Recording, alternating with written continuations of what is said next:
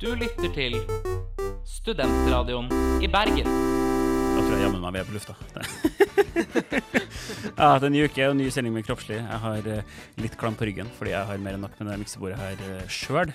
og nå eh, skal jeg prøve å lære um, Hvor mange nye skal vi si at det er? Skal vi si at det er to, uh, to nye til sammen, på en måte? To nye til sammen. Det er en helt ny og to eh, halvnye som eh, sitter i studio i dag. Jeg heter Henrik, men med meg er også Siri. Ja. Du er ikke Hei. helt ny. Nei, jeg Nei. var her eh, tidligere. Du har vært med en gang før, men eh, vi har to splitter nye også. Julian, velkommen. Takk skal du ha. Julian er litt på gjerdet ennå om han har lyst til å være med liksom mer, eller om han bare er gjest i dag. Men vi får eh, litt lett gruppepress, så har vi en, eh, et nytt medlem. Og bak eh, spakene i dag, Så sitter jeg, Maria, velkommen. Takk. Hvordan går det? Med, med spakene. Ja. Litt småstresset. jeg syns det går, det går kjempefint. det. Um, vi skal snakke litt om uh, Vanskelig når det er sånn lettbeint start å si at vi skal snakke om rettspsykiatri. Det er ikke så, så lystbetont, kanskje. Vi skal snakke om det litt senere, men jeg tenker, i og med at det er så mye nye folk, så må vi jo høre litt eh, hvem dere er, da. Så vi kan jo begynne med, da, med deg, Maria, bak uh, spakene. Jeg har forresten mitt fulle hyre, da, for det er både Marie og Maria. Men hei, Maria. Du, hvem er du? Velkommen til Kroppslig. Takk. Eh, ja, skal jeg si litt om meg selv? Veldig gjerne. Eh, jeg eh, studerer psykologi på femte semester. Begynte der nå etter jul. Eh, og det går jo mye skole for tiden. Ellers så liker jeg å strikke og gå tur. Ja. ja. Det høres ut som en deilig tilværelse. ja det. Det hørtes veldig hyggelig ut. Veldig sånn eh, dårlig vær i Bergen, sitter inne og Perfekt bergensaktivitet. Du er litt sånn stereotypisk eh, psykologistudent, kanskje. Sitter og strikker. Sitter medisinegjengen på ja,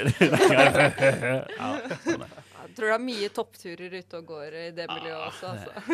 Nei, ikke meg, men i miljøet, kanskje. Men veldig hyggelig å ha deg med her i Kroppslig. Og så Julian, vår andre helt nye Yes. Og endelig en ny gutt, da. Det, må jeg, det er jo lov å på en måte si det. Mm. Jo, takk. Det var veldig hyggelig å bli uh, spurt. Um, jeg skal også si litt om meg selv, ja. Åpenbart. Gjerne. Mm, kult. uh, heter da Julian, er 24 år.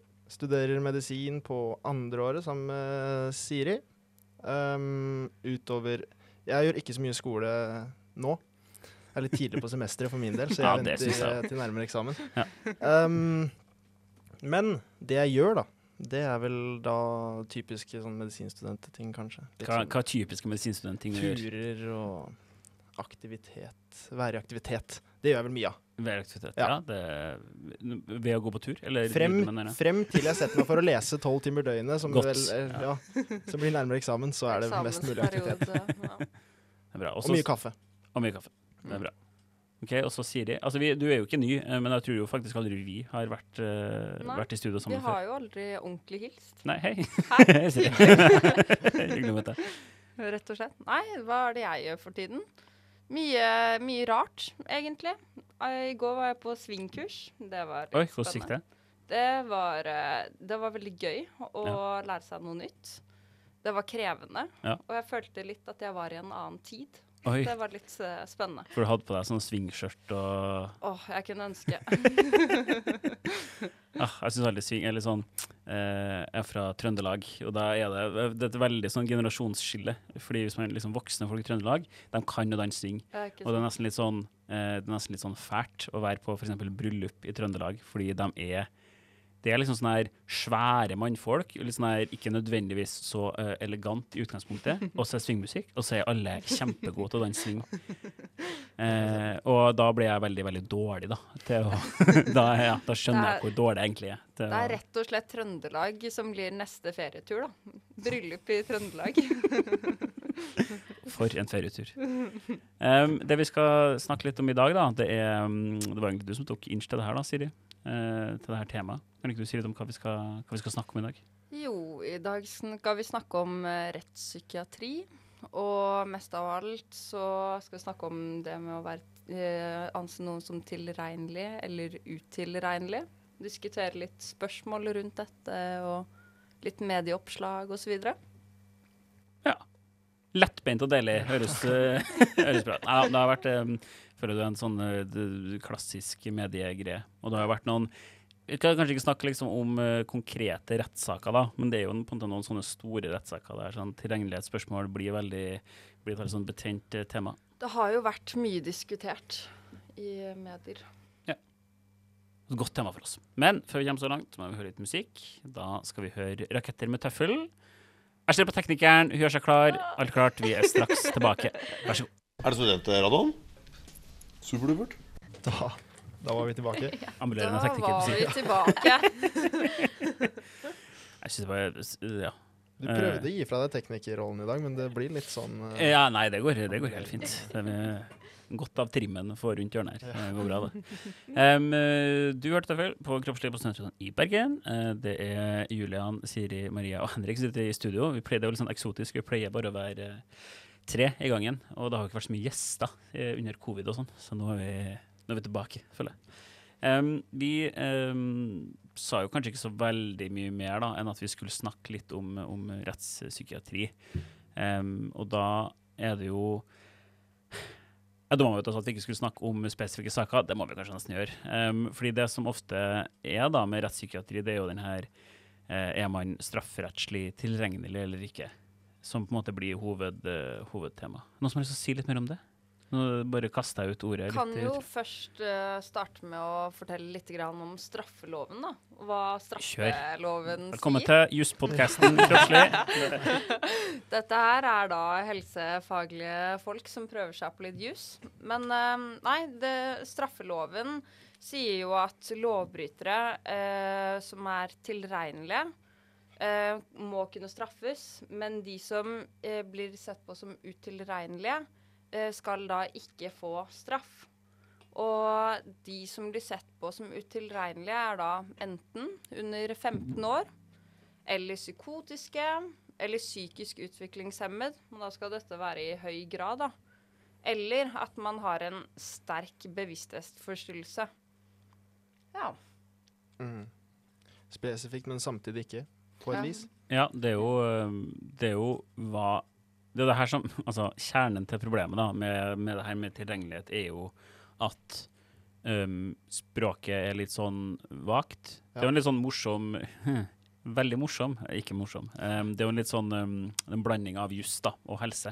Mm. Sånn at uh, Og det er jo Det må jo nesten være sånn, men det er jo no noe av det som gjør det litt sånn vanskelig. Uh, at man snakker om på en måte uh, I medisinen så er man kanskje litt mer opptatt av spesifikke diagnoser, mens i straffeloven så blir det litt mer sånn litt vagere definisjoner, da.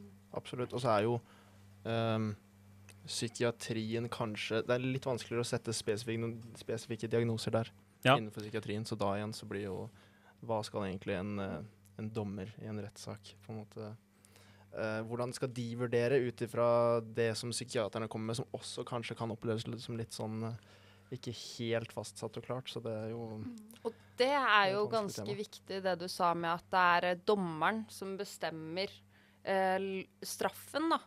Eh, og om personen er tilregnelig eller ikke. Eh, så det er ikke de sakkyndige som skal avgjøre det. Men de skal bare komme med anbefalinger og sine råd, og så er det dommeren som til slutt bestemmer. Ok, Så det er dommeren som bestemmer, men kan en dommer da velge å bare overkjøre uh, den her uh, psykiatrivurderinga helt? De kan vel Er det mulig, liksom? Ja. Praksis det, men det blir Ja. jo ikke så Nei. Rått å være dommer, da. tatt, Ja. en, en sentral del her er jo at uh, personen må være uh, Altså det må være på handlingstidspunktet at personen er utilregnelig. Ja. Og det gjør jo igjen vurderingen enda vanskeligere. Ja. definitivt. For da må det jo liksom at man må tilbake Mm. Det er jo ofte altså Hvis man har en, en kjent psykoselidelse, da, kjent kronisk psykoselidelse f.eks., så er jo kanskje ikke Da er man kanskje litt mer obs på det. Så det er jo gjerne på en måte en sånn en førstegangsdebut eh, av en psykose, eller at det i hvert fall første gangen man har begått en, en straffbar handling som skal stilles for retten. Så da er det jo det her hvor hva du gjorde for et år siden, om det var gjort i eh, psykose, f.eks. Mm. Så det er jo en fryktelig vanskelig ting å Så veldig vanskelige vanskelig ting å ta for seg. Da. Ja, og så er det jo ikke helt sikkert at den som har begjort eller gjort noe ulovlig, da, eller eh, en straffbar handling, eh, faktisk har vært i psykiatrien før. Så det er jo ikke alltid så lett å Hvis man ikke har noe eh, tidligere kunnskap om den personen. å vite om han eller hun var eh, psykotisk i øyeblikket. Ja, nei, det er ikke um, Det er ikke, det er ikke enkelt. Og de fleste er jo kanskje da u, altså I hvert fall de fleste sakene der det blir en veldig sånn langvarig eh, greie, da. Eh, der er man jo kanskje ikke kjent i psykiatrien fra før. Nei. Så Nei, vi har tatt for oss noe ordentlig. Men, men en ting som er eh, litt sånn med det og psykose og sånne type ting, er jo at vi har jo eh, et par veldig kjente saker i Norge. Eh, blant annet av den, den største, kanskje, eh, 22. juli-saken. Og der er det jo Det ble tatt sånn to sånne sakkyndige grupper eh, av psykiatere som skulle gjøre en vurdering.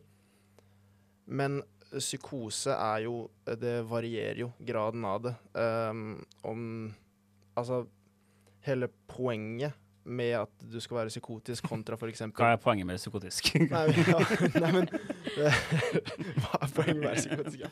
Nei, det er et godt spørsmål. Uh, men kontra da sånn eh, personlighetsforstyrrelse, da. ja, nei, nei. Eh, fordi hvis du har en personlighetsforstyrrelse, så vil det jo Da f- går jo ikke det inn under utilregnelighet. Eh, så hvis du da over en lengre periode, to forskjellige grupper skal vurdere, så kan de få helt forskjellige vurderinger, fordi graden av psykose vil jo da muligens potensielt variere. Mm. Så det var jo det som gjerne skjedde uh, ut ifra hva jeg har, eller husker av den største saken. da. ja, At det, de fikk så ulik vurdering av det. det var jo flere sånne utvalg som kom frem til forskjellige ting. Eh, så Mm. det var jo det som var så vanskelig. Og noen konkluderte vel med en form for personlighetsforstyrrelse. Og Som, andre kom frem til schizofreni. ja, Ja, og så var det noen som snakket om autisme også. ja. Og Så er det sikkert en kombinasjon av alt. Ikke sant? Mm. Ja, og så er det jo på en måte Hvis man får diagnostisert en psykose, så er det jo greit, men så er det jo snakk om en sånn en virkelighetsbrist. Altså det her med schizofreni, da du kan jo ha en litt sånn, en sånn tankeforstyrrelser. Så det er jo Det som er vanskelig, er jo at det til sjuende og sist blir en ganske sånn subjektiv vurdering eh, av, av hva som skjer, da.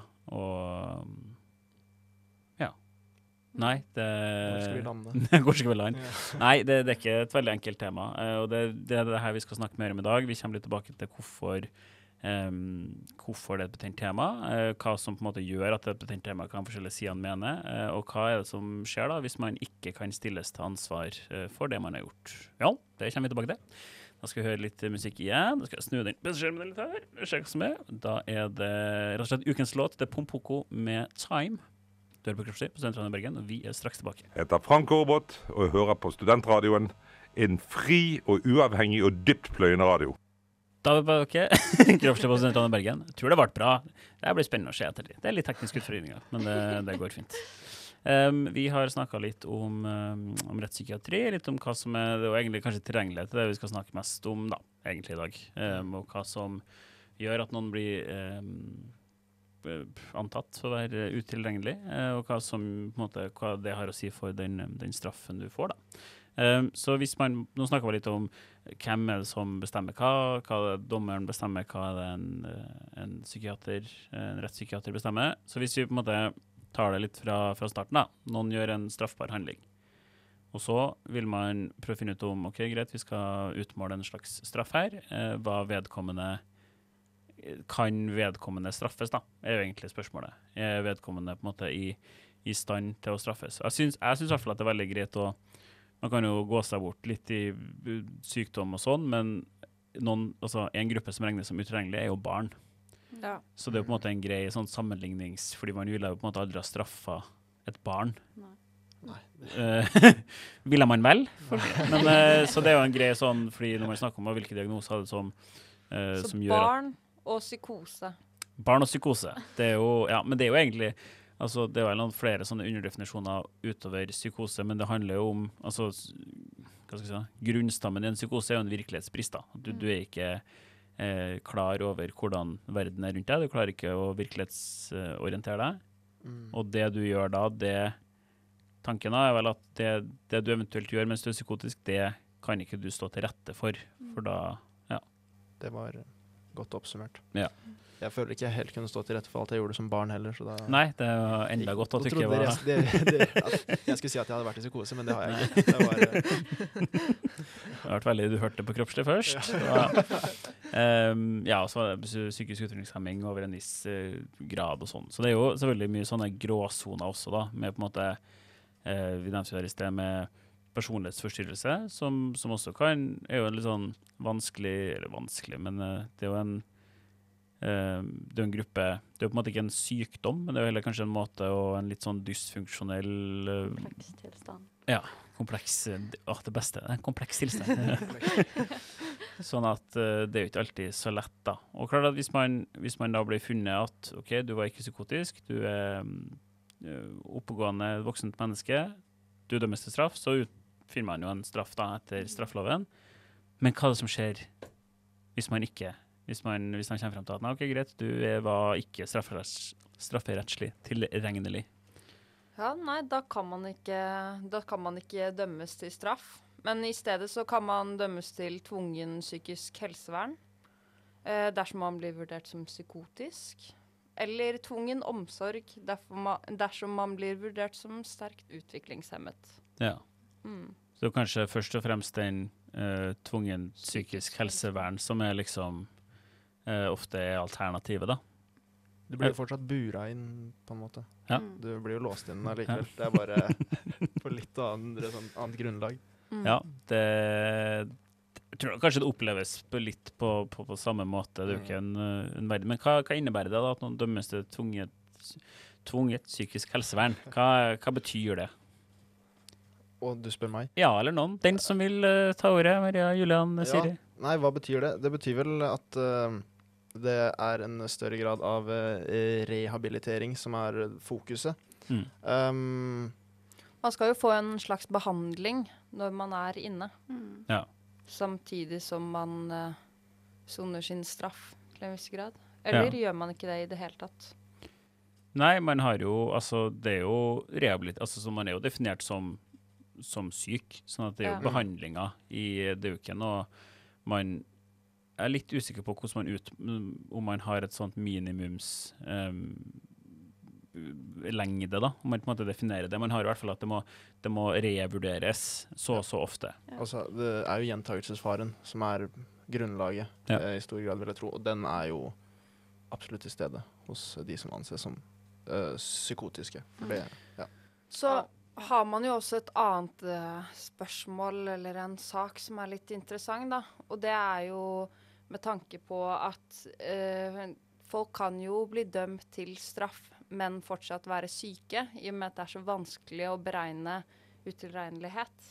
Ja, det Så man har jo mange gode eksempler på at syke mennesker er i fengsel også. Og Julian, du har jo sett eh, sikkert litt av hvert gjennom Ja. Jobben din. Nå fikk vi lurt inn at jeg jobber i fengselet. Ja, ja, ja. Kjempe, kjempefint. Ja, nei, men uh, Betjent. man ser jo Ja, betjent. Kall meg betjent. Nei, men uh, ja, man ser mye mye forskjellig, altså. Det er noen som definitivt ikke skulle vært uh, i fengsel. Men så um, Det er jo også til en helt annen gang. Jeg jobber jo i fengsel for utenlandske innsatte. Ja. Så alle som er hos oss på Kongsvinger fengsel her jeg skal jo ut av landet etter at de har vært der. Så da er det kanskje litt mindre um, viktig for det norske um, Hva heter det? Ja, helsevernet at disse her tas vare på på samme måte. Um, uh, vi har ja, vet, Man skal ikke gå inn i spesifikke saker, kanskje, men uh, det er ja, ja. mye forskjellig. Ja, men det, det snakkes jo en del om, og det skrives jo litt sånn eh, generelt anonymt om i avisa, at det er jo ikke så lett alltid å på en måte Hvem er det som skal eh, dømmes til fengselsstraff?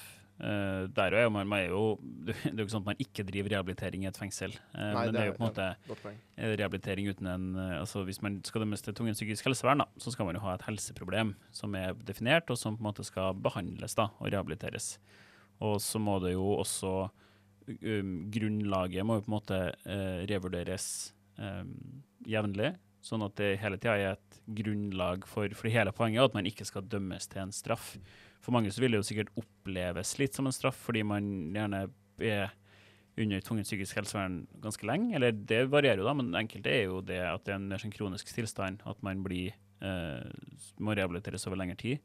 Eh, men det skal jo hele tida være grunnlag for det. Mm. At du er syk og at det er en behandling som kan Og det her kan jo endre seg, sant? Det kan jo komme nye behandlinger, nye medisiner, det kan komme ja, bedre tilbud. Så det må jo hele tida på en måte revurderes, da.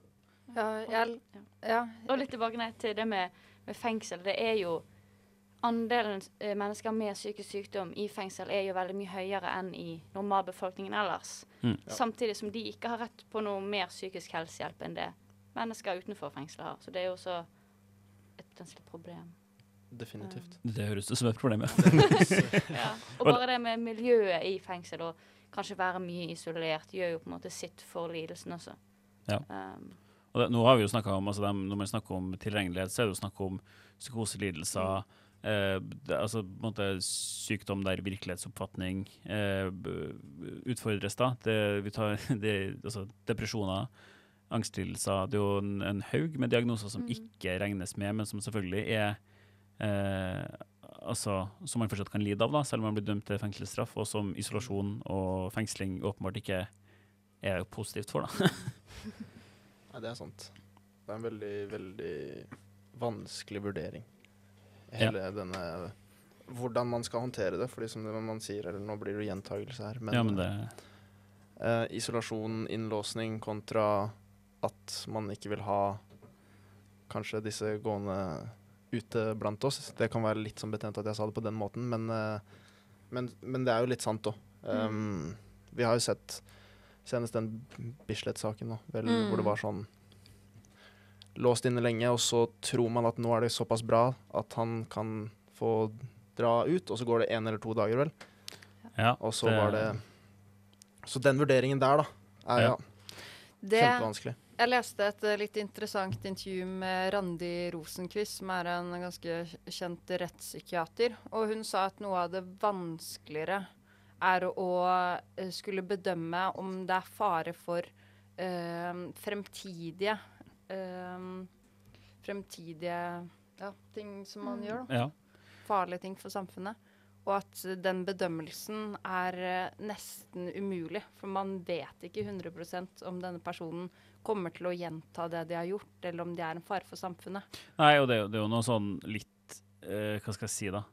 Man må jo Det her er jo et, et kjempeproblem, i, særlig i psykiatrien, at både for, for lette tiltak og for tunge tiltak er dumt. Eh, og det vil alltid være en sant, Man kan jo aldri helgardere seg mot gjentakelse, men det er jo veldig synd hvis man på en måte skal bare låse folk inn fordi det er liksom en, en viss sjanse for mm. uh, og hvem som helst kan jo bli psykotisk, så det er på en måte det er en, eh, Man balanserer på en line der som ikke er helt, eh, helt enkel. da. Definitivt. Um, og Det er jo derfor det er litt sånn betent tema. og det er jo det på en måte vi skal det jeg tenker Vi kan gjøre, vi kan snakke litt om en spesifikk sak, eller sånn etterpå, så kan vi på en måte se litt av hva, hvorfor, er, hvorfor er det så betent tema. Hvorfor er det så betent for Én ting er jo rettspsykiaterne, dommerne, som sitter og skal jobbe med det, men eh, det er jo furore i media og blant eh, vanlige folk også. Og hvorfor er det sånn? Jo, det kommer tilbake til. Men først skal vi høre Daniela Reyes. Ja, det er Reyes, ja. Mm. Med brannsår, dør på kroppsliv på Sentralen i Bergen. Og vi er straks tilbake. Ja, god dag. Dette her er Johanne Johan Golden og Atle Antonsen. Du eh, sitter nå og lytter til den fantastisk flotte radioen Studentradioen her i Bergen. Det var Studentradioen du lytter til nå. I Bergen. Daniela Rees på Studentradioen i Bergen. Vi snakker om rettspsykiatri. Woo! Johan lurte inn låta på om det var liksom innafor å, å lette på stemninga underveis. Det syns jeg absolutt må være, må være innafor. Eh. Ja, kjør. Det er artig. Vi trenger et eh, sånn, hva er det? comic relief. Så vi, nå har vi snakka litt sånn generelt om, om på en måte hva, hva er tilgjengelighet. Hvem er det som regnes som utilregnelig, og, og hva har det å si for, for straff? Eller det er jo akkurat det det ikke har. da. Altså, hvis du ikke er tilgjengelig, så skal du jo på en måte ikke straffes. Du skal behandles, få helsehjelp. Selvfølgelig i praksis så tror jeg jo mange av dem som da får tvungen psykisk helsehjelp, eh, ikke nødvendigvis syns det er så fett, da.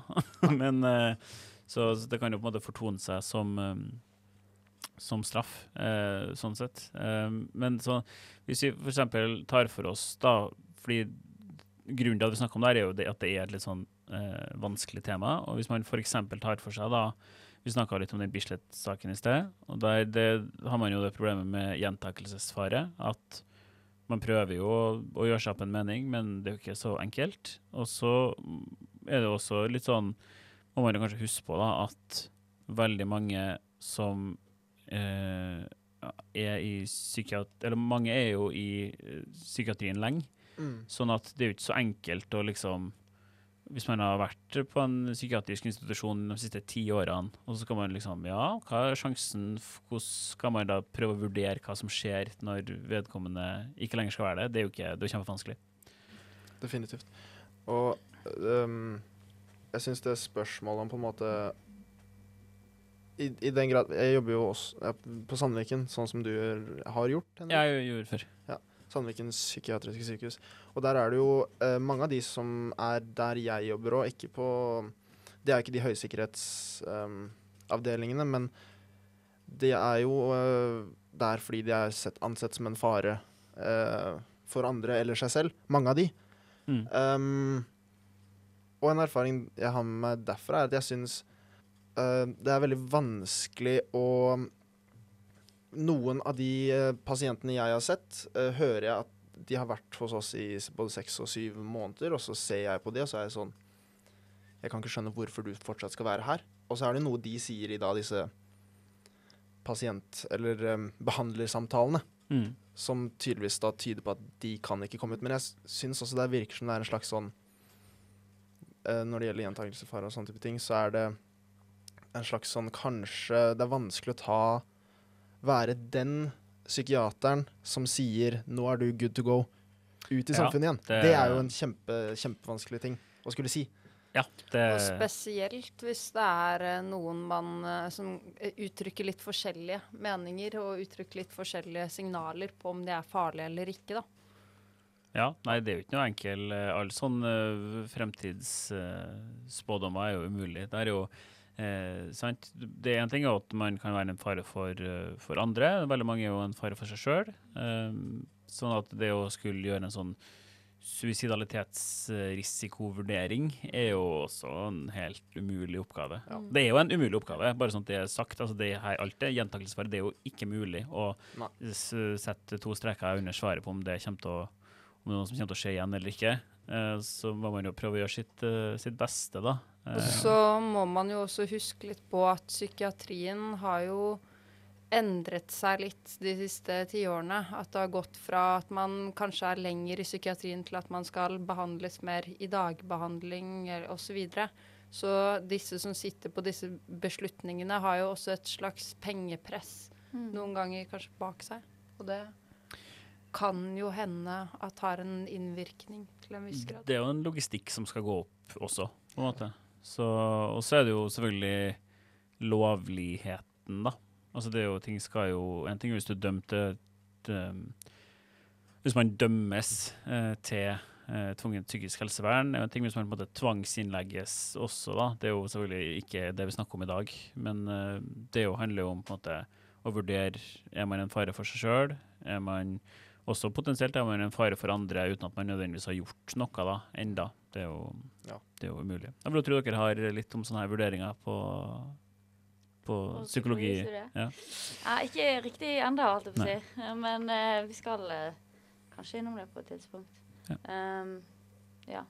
Men det er jo også en tendens med at når man dømmes til uh, helsevern, da, at samfunnet har en tendens til å se på det som et slags At man slipper unna, da. ja, det Men, ja. Men sannheten er jo at de skal jo gjennom et behandlingsprogram. Det er jo et onde. De blir jo fratatt autonomien. Um, så det er jo på ingen måte jeg, slippe jeg tror nok mange er der enige om at det er et onde, ja.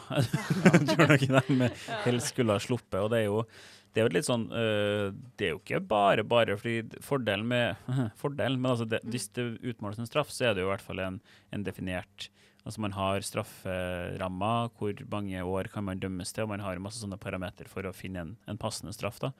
Eh, problemet med tvungent psykisk helsevern er jo at og Det er jo nødvendighet samtidig som det blir et problem, er at det skal liksom til du er frisk, da, eller til du er bedre, eller til noen vurderer deg som ferdig. Og da er det jo i prinsippet ikke Nå er jeg litt på tynn is, men jeg tror jo ikke det er et, en øvre grense nødvendigvis. Det skal revurderes eh, så og så ofte. Og det grunnlaget for å, å ha noen på tvungent psykisk helsevern må jo da hele tida være der. Men eh, Så det er jo litt som å, å dømmes til altså, Man kan jo dømmes til forvaring også. Det er jo en straff igjen, da. Eh, og da er man jo tilgjengelig. Men det er jo et problem at man da Ja, vi må revurdere hele tida om hvor, hvor lenge du trenger å være her. Så i, i prinsippet så dømmes man jo til en sånn Kontinuerlig. Og det er jo sitt med psyken, det, og man vet ikke når endene er det. Ja, nei, man det, ja, det er jo ikke Man gjør det jo ikke, ikke Det er jo ikke bra for noen, på en måte, å, å ha det sånn. Em, og så er det jo samtidig Du snakka litt i sted Maria om det med at uh, mange kanskje føler at man slipper unna da, ved å, å bli dømt som uh, utilregnelig. Og det er jo kanskje litt derfor det blir litt sånn her At det blir skrevet mye i avisene, og at folk på en måte at vanlige folk mener ting da, om, om det å være utilregnelig. Um, vi snakka f.eks. om 22. juli-saken. Det var jo selvfølgelig en kjempe, kjempe, kjempelang um, prosess. Eh, og der kom man jo frem til to forskjellige ting. Det var satt Ja. flere, det var flere runder med tilgjengelighetsvurdering der man konkluderte med ja, Man konkluderer med én av to, da. Som at man konkluderte med den ene konkluderte med at eh, han var tilgjengelig, og en konkluderte med at han ikke var tilgjengelig. Mm. Um, og så er det jo sikkert mange da som fordi man da Hvis man blir regna som utilgjengelig og ikke skal straffes, da, så er det jo veldig mange som føler at det, er, jo, at det er veldig urettferdig. da, at man, Eller at det er veldig sårt at man på en måte ikke skal få noe straff. Selv om det selvfølgelig i, i, i praksis så fortoner det seg jo som en straff. Men det Det jo er mye av det samme, Ja. Um, men jeg lurer egentlig på sånn Er det Var det Gjøre sånne vurderinger i de fleste straffesaker? Altså sånne sakkyndige utvalg som settes inn. Var det liksom spesifikt for denne saken fordi den var så stor, eller vet vi om det liksom er Fordi sånn Jeg sa jeg ikke skulle ta saker fra fengselet, men vi har jo en som um, Dette blir eh, ikke få sånne kjempetydelige bilder i hodet, men en som uh, um, Lukk hjernen, er det som er eh, avsluttet livet til kona si med en skrutrekker og glemte henne bak i bilen. Og så bare gikk det en to måneder, og så skulle han levere bilen på eh, Ja, til eh, hva heter det, til verksted. Og så fant de Yes. Ja. Og da er det, ble det gjort noen vurdering der. Jeg tenker eh, hvordan eh, Jeg håper ja. Var det liksom Nei, han Jeg, jeg vil jo tro at i jeg, vil, altså, jeg, jeg føler meg ganske sikker på at altså, du må jo være For å kunne idømme straff, så må du jo kunne regnes som eh, tilregnelig. Sånn at jeg vil jo tro at i enhver straffesak så må det tas en sånn og selvfølgelig I noen saker så er jo det sikkert uh, kanskje litt enklere gjort da enn Mm. andre. og det, det kan jo gå til at man ikke nå Ikke det å synes om juss, da. Det er jo, jeg vet ikke hvor interessant det er. men men uh, jeg vil jo tro at i en del saker der det er litt mer sånn åpenbart uh, er tvil, da, og kanskje der straffen er veldig potensielt veldig lang. Hvis straffen er potensielt veldig streng, så er det jo kanskje der man er eh, nøyest da, med å på en måte forsikre seg om at det blir gjort riktig. Selv om jeg vil jo tro på papiret, så må det jo gjøres i alle Mm. saker. Ja. Selv om det kan jo på en måte ikke settes ned et, et et, ut- rettspsykiatrisk utvalg hver gang noen skal betale en fartsbot. Nei, måte. det Var det tilregnelig når du kjørte for fort? Ja. Ja, det et, det er et Selv om den eh, vil jo kanskje tro at i den saken der at de tok en runde med Ja, men så landa de på fengselet likevel, da. Ja. Ikke psykisk helsevern, det Ja, nei, for det er jo klart at man, man kan jo ha eksempel i 22. juli-saken, da, så landa man jo på en sånn Eller det ene utvalget landa på en sånn uh, form for personlighetsforstyrrelse, da. Mm. Som på en måte Hvor, hvor skal skillet gå, da? Ja. Mellom en, en personlighetsforstyrrelse og en, og en psykose. Det er jo Psykose er jo noe litt mer sånn uh, definert og avgrensa fra resten av, av livet, da. Eh, Og så, etter å ha lest litt uh, om det, så har jeg forstått at hvis man skal um, bestemme at, eller si at en person er psykotisk, så må man ha spesifikke hendelser ofte over tid som uh, beskriver eller som tilsier at personen er psykotisk. At det ofte er vanskelig å bare si 'jeg opplever denne personen som psykotisk'. Man skal ha et godt grunnlag for å si det. Og Ja. det er jo ikke i alle caser at det er så lett å få, da. Og et annet aspekt er, er jo det at det, vrangforestillingen må jo være relatert til hendelsen som utføres. Ja. Så hvis man f.eks. Eller hallusinasjon, da. At man hallusinerer at det er mange edderkopper, og så dreper man noen, på en måte. Altså det må jo være en, en, eh, en connection der, da. Ja. for at det skal kunne være gyldig. Og hvordan Og hvordan gjør man det? gjør man det? Ja. Det var, eh, det var vel der det første utvalget fikk så mye kritikk i den nok en gang 22. juli-saken, at de hadde jo De opplevde vel, når de snakket med han, at eh, De opplevde han som psykotisk Mm. eller eh, utilregnelig, Mm. men de kunne på en måte ikke pinpointe det til eh, hendelsesøyeblikket, da. Og da sitter du igjen med på en måte masse kritikk fordi man ikke kan gjøre det, men hvordan i alle dager skal man gjøre det? det Ja, nei, jeg vet ikke. Men har jo, Nei. nå har ikke jeg lest liksom uh, så mye av den på måte rettspsykiatriske vurderinga der, men da er man jo for eksempel eh, Og det, det er jo klart kanskje litt mer relevant i en sånn så omfattende sak som det, da, med hvor var det her planlagt? Var det Mm. gjort eh, på en måte, er det Skal det være en psykotisk handling, eller en, en handling gjort i psykose, så må det kanskje være litt mer sånn avgrensa én handling som ikke der du hadde en virkelighetsbrist da, som gjør at du ikke klarer å realitetsorientere deg. Men eh, hvis det er gjort utrolig mye forberedelser, så tar du det kanskje mot en mer sånn kronisk Selvfølgelig, man kan jo ha en er mer altså. kronisk psykotisk, men det er klart det, det vitner jo kanskje om en litt mer en, en evne til å realitetsorientere seg likevel, da. At man Ja. klarer å, å, å planlegge noe over lang tid og se for seg hvordan det Ja. Nei, det er vanskelig, ja. Jo, men, men eh, jeg tror du setter fingeren på noe viktig der. At eh, planlegging er nok en viktig del av vurderingen du tar, ja. Ja. Fordi da kan du på en måte ikke si at det var helt stikk i strid med sånn denne personen normalt er, Mm. at den gjorde den handlingen. Eh, men mer sånn at ja, han hadde jo Ja, vi skal ikke gå for mye inn i den saken, men det var jo en lenger, et lengre forløp. Ja. Mm. Så, og det er jo sikkert litt derfor at man Det blir en så stor sak, så har man jo litt mer materiale å basere en sånn vurdering på, da. Ja. Så det er jo klart at da blir det jo en eh, Ja. ja det er jo en, en helt ekstraordinær sak i norsk rettshistorie, på Det en måte, så det er klart at den blir jo Den har jo, og kommer også til å prege norsk rettshistorie, eller norsk rettspsykiatri, eh, lang, lang tid fremover også. Og det blir jo spennende å se hvordan, om det skjer noen lovendringer osv. Mm. Med tanke på spørsmål som har blitt stilt. Ja. Det virker som det er en slags sånn kontinuerlig utvikling der, egentlig, tror jeg. Mm. Uten Ja, at vi kanskje hører så mye om det, men det er en slags sånn eh, De setter jo mye penger inn i denne psykiatrien. Det er i hvert fall mye snakk om det. Mm. Ja, Og det det, er veldig mange som mener veldig mye om det. ja. Uh, blant annet vi her nå. Så da må man jo ha litt Ja, det er noe, det er noe fokus på det. Ja. det Vi setter noe fokus på det, så ordner det seg sikkert der. Penger Ja. Vi må Var det ikke det Ap kom inn i regjering på nå? At de liksom skal sette enda mer penger inn i psykiatrien? Var ikke Jo. det av det? Ja. Nå skal de ikke legge ned flere sengeplasser, men eh, mm, forhåpentligvis opprette flere sengeplasser. Er ikke, det, er ikke det hver eneste valgkamp sånn? Jo- Psykiatri, fokus.